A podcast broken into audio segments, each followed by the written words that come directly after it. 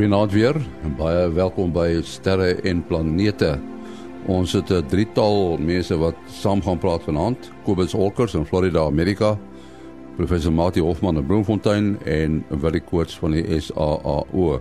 Maar eers so 'n stukkie ruimte nuus. Gedurende die afgelope paar jaar is NASA besig met die ontwikkeling van tegnologie en onderdele wat ruimtevaders in staat sal stel om na die maan terug te keer en ook die eerste bemande sending na Mars te onderneem. Dit is onder andere die SLS, dit is die Space Launch System wat sedert die Saturn V vuurpyle die kragtigste ooit sal wees en ook die sogenaamde Orion Multipurpose Crew Vehicle. In die afgelope paar maande het ingenieurs by 'n aanleg naby New Orleans die struktuur van die drukkapsule van die Orion aan mekaar geswys. Die drukkapsule het 'n week of twee gelede by die Kennedy Ruimtevaartsentrum aangekom om met die Orion tuig geïntegreer te word. Die lansering is geskeduleer om 2020 plaas te vind.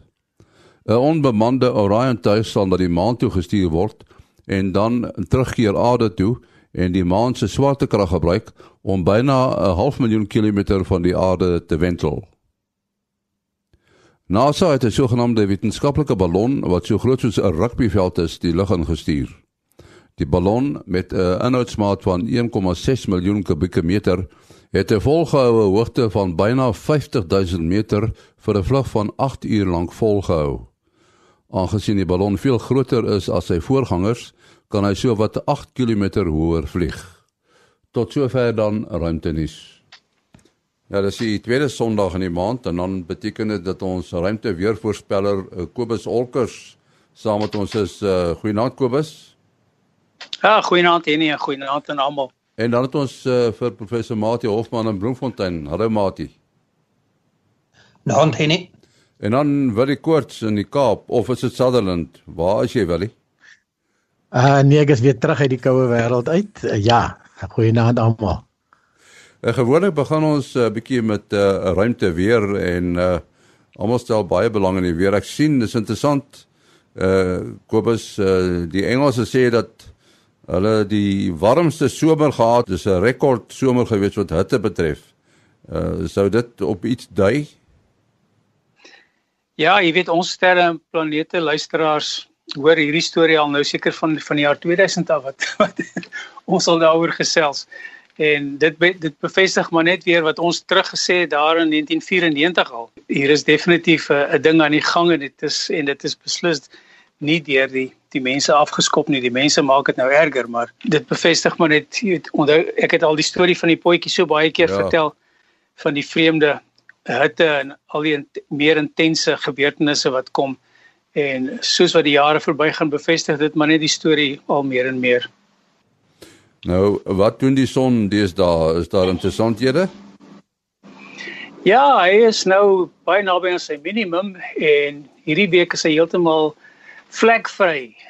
Daar is geen enkele uh magnetiese komplekse area wat wat sterk genoeg is om om 'n sonvlek in die in die wit frekwensieband met ander woorde wat ons met ons blote oë kan sien te genereer nie.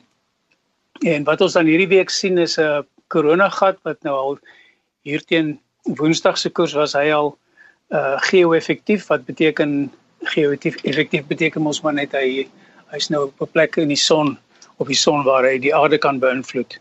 En ons het toe nou al 'n bietjie van 'n ligte magnetiese stormpies gekry hierdie week.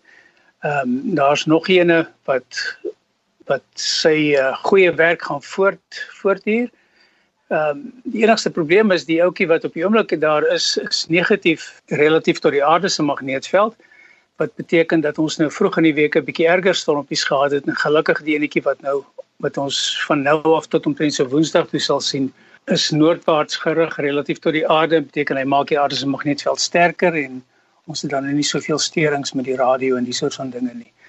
Dan is daar 'n 'n groot aktiewe area ook baie uh, naby aan die in die ewenaar van die son, maar hy's vreeslik versprei. Ehm um, hy's net pragtig mooi om na te kyk. Hy het 'n uh, 'n negatiewe kant wat voorloop en 'n uh, uh, althans 'n suidgerigte kant wat voorloop en 'n noordgerigte kant wat wat agterna kom en as ons nou by die ekstra prentjies uitkom dan kan mens die uh, die plasma pragt plasma bo pragtig sien beweeg so oor die son. Maar wat ons uh, luisteraars aan betref, ons gee ons het geen elektriese probleme wat ons verwag nie, geen ehm um, GPS probleme of enige iets nie. Dis maar net weer ons langafstand luisteraars wat met die kortgolwe werk wat dit wat dit voel. Dit was dan ons uh, ruimte weervoorspelling en dit was uh, Kobus Olkers daar in Florida. Jy het ook deesdae lyk my hulle sê die orkaanseisoen is al amper verby en daar was nog nie eintlik iets nie. Eintlik begin ons orkaanseisoen op die 1 September, die amptelike uh nie amptelike ene. Uh met ander woorde die praktiese een. Ons het verlede jaar vir Irma gehad, die luisteraars sal onthou ehm um, wat ek dink dit was hier op die 11de September rond gewees en September is altyd die piek van die orkaanseisoen hier in Florida. Uh daar is reeds twee golwe wat nou op pad is van van Afrika se kant af tropiese golwe. En ehm um, een van hulle is op pad na die het nou regs gedraai. Hy sy's op pad na Engeland se kus toe. Hy gaan homself uitwaai in die middel van die Atlantiese Oseaan. Maar die ouetjie wat agter hom is, uh lyk asof hy dalk in ons rigting kan korrel, maar nou ja, daar's nog baie wat kan gebeur in die volgende week of twee. Ja, uh, Kobus sommer so op ligter trant. Uh, kyk ons het nou gewoond geraak die orkane kry vroue name, maar ek het uh, verstaan dat hulle nou besluit het uh, dit is nie aanvaarbaar nie dat dit ook manlike name gaan kry. Kon hulle nou al 'n vergelyking tref tussen die sterkte van die manlike teenoor die vroulike orkane? Jong, ek ek dink daardie uh daardie tipe van navorsing is nie polities korrek nie.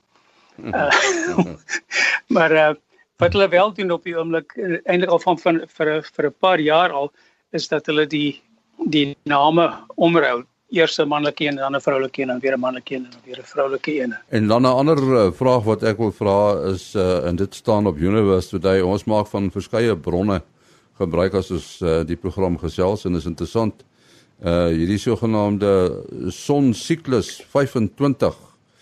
Uh daar's 'n vraagteken of ons nou al die begin daarvan beleef. Wat is jou antwoord Kobus? Ja, ons het verlede week dit al genoem in die in die weer weerberiggie, sonweerberiggie. Wat die son doen om sy sonsiklus te veroorsaak.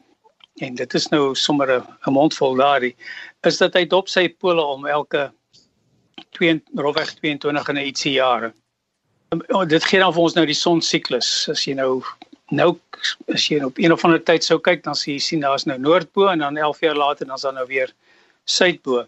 En 22 jaar later, 11 jaar later of ja, nog 11 jaar later is is is noord dan nou weer terugbo.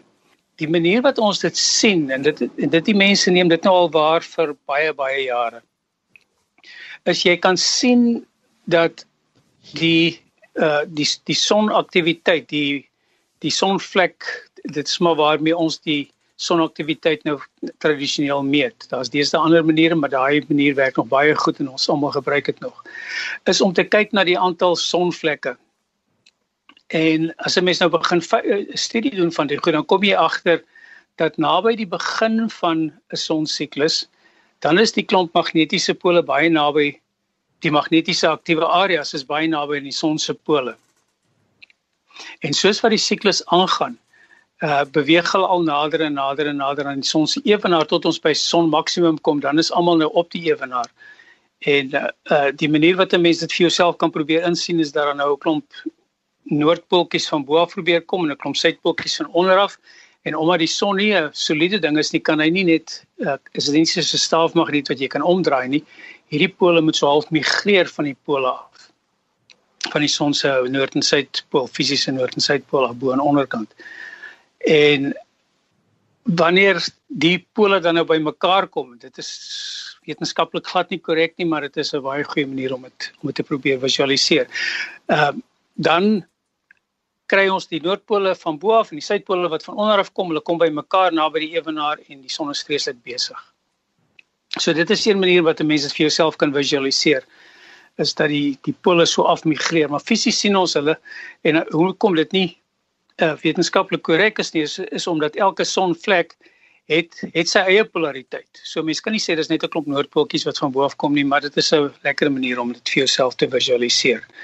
Ehm um, so ons het ons eerste aktiwiteit naby aan die pole van die son begin sien en die ander ding waarmee ons dit baie goed kan sien en dit is sommer so duidelik aanduidend ook dat die son is besig om sy polariteit nou te verander. As 'n mens kyk na hierdie na hierdie uh, aktiewe area soos wat hulle nou van links na reg oor die son se se skuif beweeg, so oor roteer, dan sien jy hy het hy's hy's hy's gewoonlik bipolêr en die die een pool sit aan die voorkant en die ander pool sit aan die agterkant. Van oor horisontaal soos wat ons hulle sien. En hy beweeg dan nou so sien nou maar die noordpool ja die suidpool also om. So, en as dit goed binne by mekaar kom dan kry ons mos nou uitbarstings en wanneer die son se polariteit begin omdraai dan sien ons dat uh, ons sien nou vir vir vir 5 en 'n half jaar lank dat sê nou maar die noordpole voor is. En dan skielik as ons nou een sien wat met 'n suidpool wat voorkom dan weet ons dit is nou baie naby. En dit is presies wat ons verlede week waargeneem het met uh, sonvlek nommer 20 van van hierdie van hierdie rotasie. Hy het toe nou met die verkeerde kant vorentoe gekom en dit sê vir ons dat al die aanduidings is daar dat ons is besig om nou die uh die nuwe son die son siklus nommer 25 te betree. Ek wil gou vinnig 'n vraagie vra oor hierdie nommers.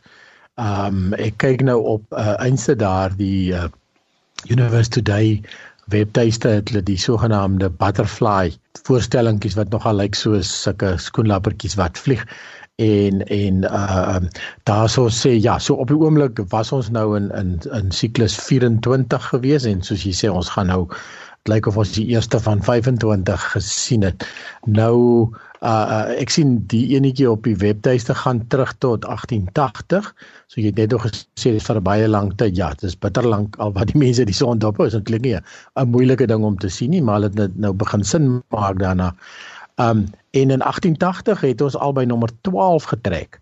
Uh siklus nommer 12 um um so so hoe het hulle hierdie nommers bepaal? Hoe het hulle bepaal wat was nommer 1 of is dit nou 'n lang ingewikkelde vraag? Is daar 'n yes, eenvoudige dit, antwoord? Daar's 'n baie eenvoudige antwoord. Ons het ehm um, uh, Galileo het vir die eerste keer na die son gekyk hier in die laaste laat 1500s, vroeg 1600s. Hmm, 400 jaar terug. Ja. ja, en dit is waar die nommers begin het. En ah, ah. as jy nou kyk na hierdie na die na die prentjie van die van die skoenlapper diagram, ehm um, hy begin hier so 1875 rond en dit is toe ons vir die eerste keer die vermoë gehad het om na die polariteit te kyk van van 'n uh, van 'n magnetiese area op die son deur middel van polarisasie. Uh dit is hoekom ons nie met met die skoenlapper diagramme verder kan teruggaan as dit nie. Ja, jy het nou uh, hierso mooi aangegaan oor die noordpool noordpooltjies wat deur die suidpole gevolg, gevolg word en dan andersom. Ehm um, uh, so om hierdie polariteit te bepaal, wie's noord en wie suid, is daar 'n maklike manier om dit te doen? Dis nie 'n baie maklike manier nie. Hulle kyk uh hulle gebruik teleskope en dan gebruik hulle die dan polariseer hulle die die son se lig en dan kan hulle daaruit die die polariteit van van 'n spesifieke area op die son bepaal.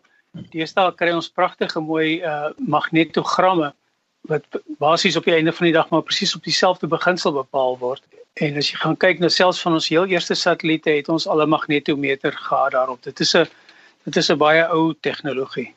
Okay, so dit is dan wat hier uit 1875 dat die ja, toilet ja, kon ja, doen dit ek sê. Ja. En uh, Kobus uh ons het nou al baie weet op ons uh, ster en planete Facebook bladsy ehm um, het aandag gegee en die lesers is redelik op hoogte van die groot optiese teleskope uh, in die wêreld, die gewone teleskoop of dit nou die Keck teleskoop is of die die VLT of die of SALT hier in Suid-Afrika self. Maar as mens nou 'n bietjie teruggaan in die geskiedenis, dan was daar baie indrukwekkende uh sonteleskope. Party van hulle was baie lank, weet te groot en lang instrumente. Nie noodwendig in deurs nie so groot nie, maar in lengte was hulle nogal indrukwekkend.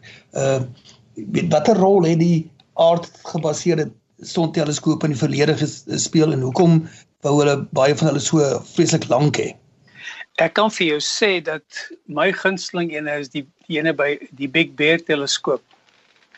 Ehm um, en hy pas presies in by jou beskrywing van 'n uit 'n uit 'n 'n spieël bo kan die grond en dan het hy 'n hele lang tonnel onder na die na die laboratorium self waar die son beeld nou op 'n deur 'n spieël weer weer kaats word tot op 'n stuk uh, film wat nou wat waar hulle daaronder kan kyk. En ek moet vir jou sê die ehm um, die aardgebaseerde teleskope is nog steeds fantasties goed. Hulle ons kry fantastiese magnetogramme, ons kry ongelooflike beelde wat ons nou wat ons nou nie van hulle af kan kry nie is hierdie pragtige mooi korona beelde omdat hulle natuurlik nie in die ekstraal uh band kan kyk nie en dit is waar ons waar ons die korona in die baie aktiewe areas van die son sien. Uh maar daar is nog steeds uh, ek dan met 'n met met net die insette van 'n van 'n aardgebaseerde teleskoop kan ek my voorspellings amper net so goed doen as as wat uh as wat ek dit met die satellietinligting kan doen. Ja, ek ek moet miskien net byvoeg ek was in Amerika klompe jare terug en ek het by twee sterrewagte uh, by Kitt Peak is daar ook mos 'n sonteleskoop. Ja, Daar's 'n pragtige een daar ook ja. Ja.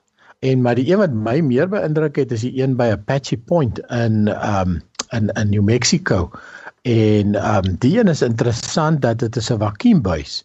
En weer eens soos Maat ook nog gesê het, 'n baie lang buis, die ding is halfpad onder die grond.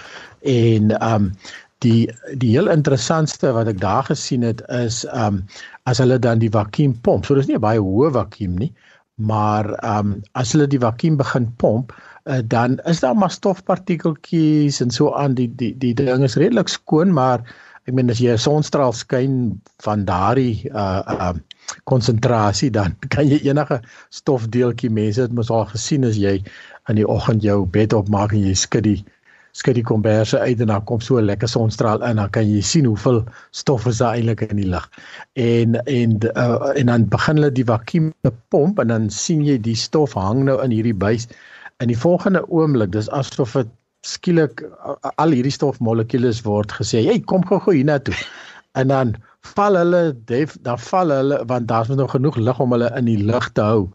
En en en uh um en die volgende oomblik as die vakuum 'n sekere waarde bereik, dan val al hierdie stofpartikeltjies af onder toe in hierdie in hierdie buis en as die buis net skielik skoon.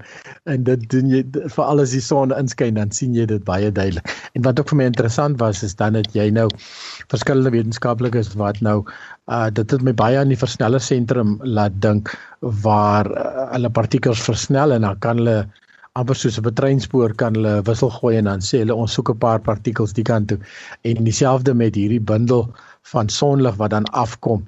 Uh is daar uh, verskillende plekke waar hulle kan 'n spieël insteek en sê gee vir my 'n bietjie van hierdie bundel dat ek ook daaraan kan werk. Dan sit die wetenskaplikes so rondom en daar in vertrek in werk. Ja was nogal vir my heeltemal iets anders as die gewone teleskope wat ons elke dag aan blootgestel word.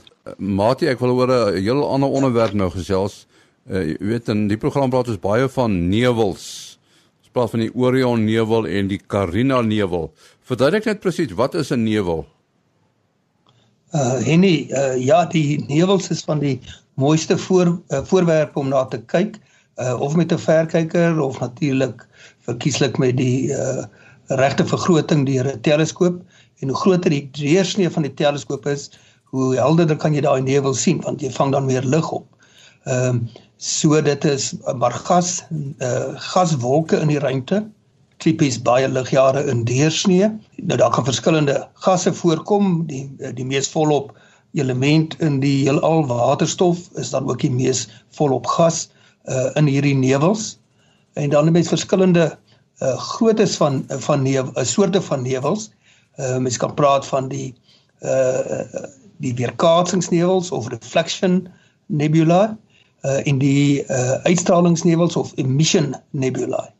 Uh nou die weerkaatsingsnevel sien mens maar hoofsaaklik omdat hulle die lig van die sterre binne in daai nevel uh weerkaats en daar kan partykeer baie helder sterre in daai nevels wees wat as ware in daardie nevels gebore is. Dit van hierdie nevels is uh die Engelse term is stellar nurseries, uh, gebiede waar nuwe sterre gevorm word. En uh die Orion nevel is 'n baie goeie voorbeeld daarso daarvan. Die in die Orion nevel uh, het ons 'n baie goeie toets vir 'n uh, amateur teleskoop, 'n goeie amateur teleskoop. As mens daardie vier helder sterretjies wat baie naby mekaar so in die amper in die vorm van 'n miniatuur suiderkruis sit. So 'n trapezium, uh, dan weet jy nou ja, die trapesium, dan weet jy nou uh jou jou amateur teleskoop uh doen goed. Nou daardie uh vier sterre uh, van die trapesium ehm um, is nou die van die jongste sterre uh wat ons so opties kan sien, maar sterrekundige taal is maar net enkele miljoen jaar oud en die meeste van die lig wat daai onmiddellike omgewing verlig kom net van een van daardie vier trapesiumsterre. Ek kan nou nie onthou uh, watter een dit is nie. Die amateur sterrekundiges wat nou gereeld kyk sal vir jou so 'n klompie gunstelinge kan noem. Ehm um, jy het nou daarna in die naby uh, die Melkweg en die Sagittarius Scorpius gebiede, het jy die Omega nevel, jy die Lagoon nevel, uh 'n nevel wat my sommer met die blote oog kan sien so entjie bo die suiderkruis. Dit ehm um, nou moet ek mooi dink aan watter seisoen die Eta Carina nevel. Ehm um, wil jy moet daar nou daar help wanneer mense hom vroeg aan bo die suiderkruis sien. Want dit oor die winter of die somer is, maar sommer so helder. Somer, ja. Ja, sommer so helder kol daar so in die in die Melkweg. Is hy nie baie um, groot nie? Ja, hy's hy's baie groot. Uh, hy vertoon vir ons die grootste en binne hom het jy die uh Carina uh Eta Carina 'n uh, nevel waar jy ook die ster Eta Carina kry wat nou beroemd is omdat dit hier in die 1850s 1860s rond uh was dit die tweede helderste ster in die in die naghemel na Sirius. Nou op die oomblik kan mens dit nie eens met die blote oog sien nie, maar uh deur 'n teleskoop vertoon hy nogal mooi en hy het beroemd geraak vir uh, vir ons geslag uh, as as gevolg van daardie pragtfoto wat die Hubble teleskoop van hom geneem het. Ehm um, wat hy in daardie die rede hoekom hy so helder was in die tyd uh in die 1850s is omdat hy 'n ehm um, 'n groot uitbarsting gehad het wat uh helderder is as 'n nova, maar nie soos 'n supernova nie. En die vraag was, weet hoe hoe's dit moontlik? Hoe verstaan 'n mens dit? Ehm um, en in daardie uitbarsting het hy twee sulke kokonne gevorm wat 'n mens baie duidelik op die Hubble teleskoop uh foto kan sien. Uh, ek het dit al deur ons uh 1.5 meter teleskoop gesien. Uh en in my relatief kort leeftyd kon ek al sien hoe die helderheid van daardie ster uh, uh verander. Dit is nogal iets wat mense dikwels sommer so met die blote oog deur 'n teleskoop kan sien nie. So dis nou maar uh, enkele van die helder nevel uh, nevels wat ons nou gaan noem, maar daar's natuurlik uh, duisende nevels in ons uh, ons eie sterrestelsel. Maar as 'n mens nou praat van gas wat wat 'n uh, mens byvoorbeeld deur die uh, teleskoop kan sien, wat weerkaats die gas dan dat 'n mens dit kan sien, want hy maak tog nie sy eie lig nie. Ehm uh, wel die die, die gas weerkaats die sterre se lig Ehm um, as jy 'n uh, uh so dis bloot weer kaatsing. Ehm uh, maar as jy nou 'n uh, uh, missie nevel kry, dan uh is word daai is wanneer daai gas in daai nevel opgewek word deur die straling vanaf die sterre. Ehm um, so dit absorbeer van die ligenergie en straal dit dan uit uh, in die spektra van die sterre. So jy sal dan nou spektraallyne daarin sien, byvoorbeeld van waterstof of van van suurstof. So dan is dit nie net weerkaatsing nie, dis eers absorpsie en dan uitstraling van lig met ander uh eienskappe. Die die die Eagle Nebula het natuurlik ook 'n beroemde Hubble foto die sogenaamde Pillars of Creation waar jy hier die uh, dis baie meer digte gas jy kom nou al hier by molekulêre goeters en en wat um wat dan dan ook die geboorteplekke van van sterre aan dat Jan het 'n 'n interessante st stukkie uh, inligting. Die um, die die nevel self uh, ons sien dit nou deur teleskope soos jy gesê het die goed is ligjare of honderde ligjare in deursnee baie maal massiewe stelsels in die in die ruimte. Uh um, en omdat daar so baie gas oor so 'n groot afstand versprei is is die um, die digtheid daarvan is is nog altyd 'n beter vakuum as wat ons op aarde kan pomp so dit is net ongelooflik hoe hoe min molekules daar eintlik is in so 'n nevel maar dit is dit is natuurlik 'n geweldige area. So ehm um, hulle het berekeninge gedoen dat as jy omtrent as jy soveel ga, gas sal bymekaar maak so so groot soos die aarde, dan gaan dit maar 'n paar kilogram weeg. So uh, uh eintlik enorme stelsels. En dan soos jy ook genoem het die tipies die geboorteplek van sterre. Uh um die gas begin bymekaar te kom, kry massa, trek meer aan, kry meer massa, begin te verhit in die middel. Ons ken hierdie pomp uh, fietspomp storie waar die pomp warm word uh die hitte bou op uh die drukking bou op meer gas word aangetrek en uiteindelik dan het jy atoomfisie uh wat begin plaasvind en en die ster spring aan die lewe. En dan iets wat ek nog altyd opgelet het deur 'n teleskoop hierdie trapezium sterretjies wat jy van gepraat het in Orion se nevel um as jy mooi kyk kan jy nogal duidelik sien hoe het hierdie sterretjies vir hulle 'n 'n uh, uh, areaatjie oopgeblaas. Jy kan duidelik sien dit is asof daar 'n uh, uh, 'n opening is uh, asof hulle asof hulle uh, of of 'n stofsuier gebruik het of wat eintlik wat ons natuurlik weet wat gebeur is die son wind uh partikels wat uitgestraal word wat die gas wegblaas uh, uh, uh kry jy dan sodra 'n ster aan aan die aan die aan die gang kom en begin uh, uh begin ont uh, begin brand kyk dit in aanhalingstekens sê dan kry jy dat daar ook 'n sterwind is wat dan die die kokon begin oopblaas waar uh, so 'n ster tipies gebore uit is.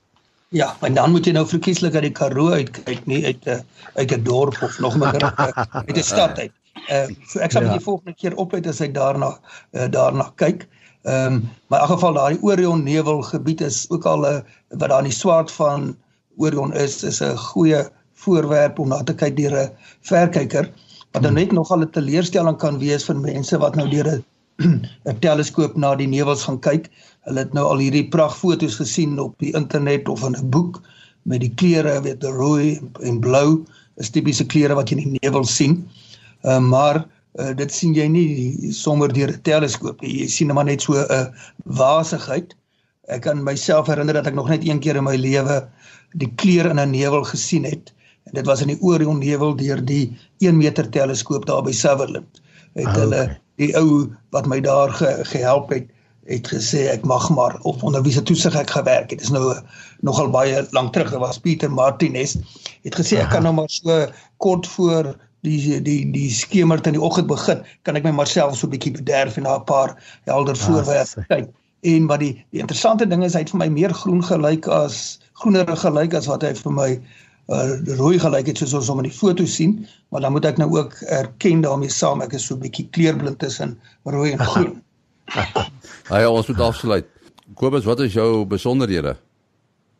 Dis kobusolkers by gmail.com k o b u s o l c k e r s by gmail.com. En dan Willie? Ja, mense kan bel SMS of WhatsApp 072 45 072457928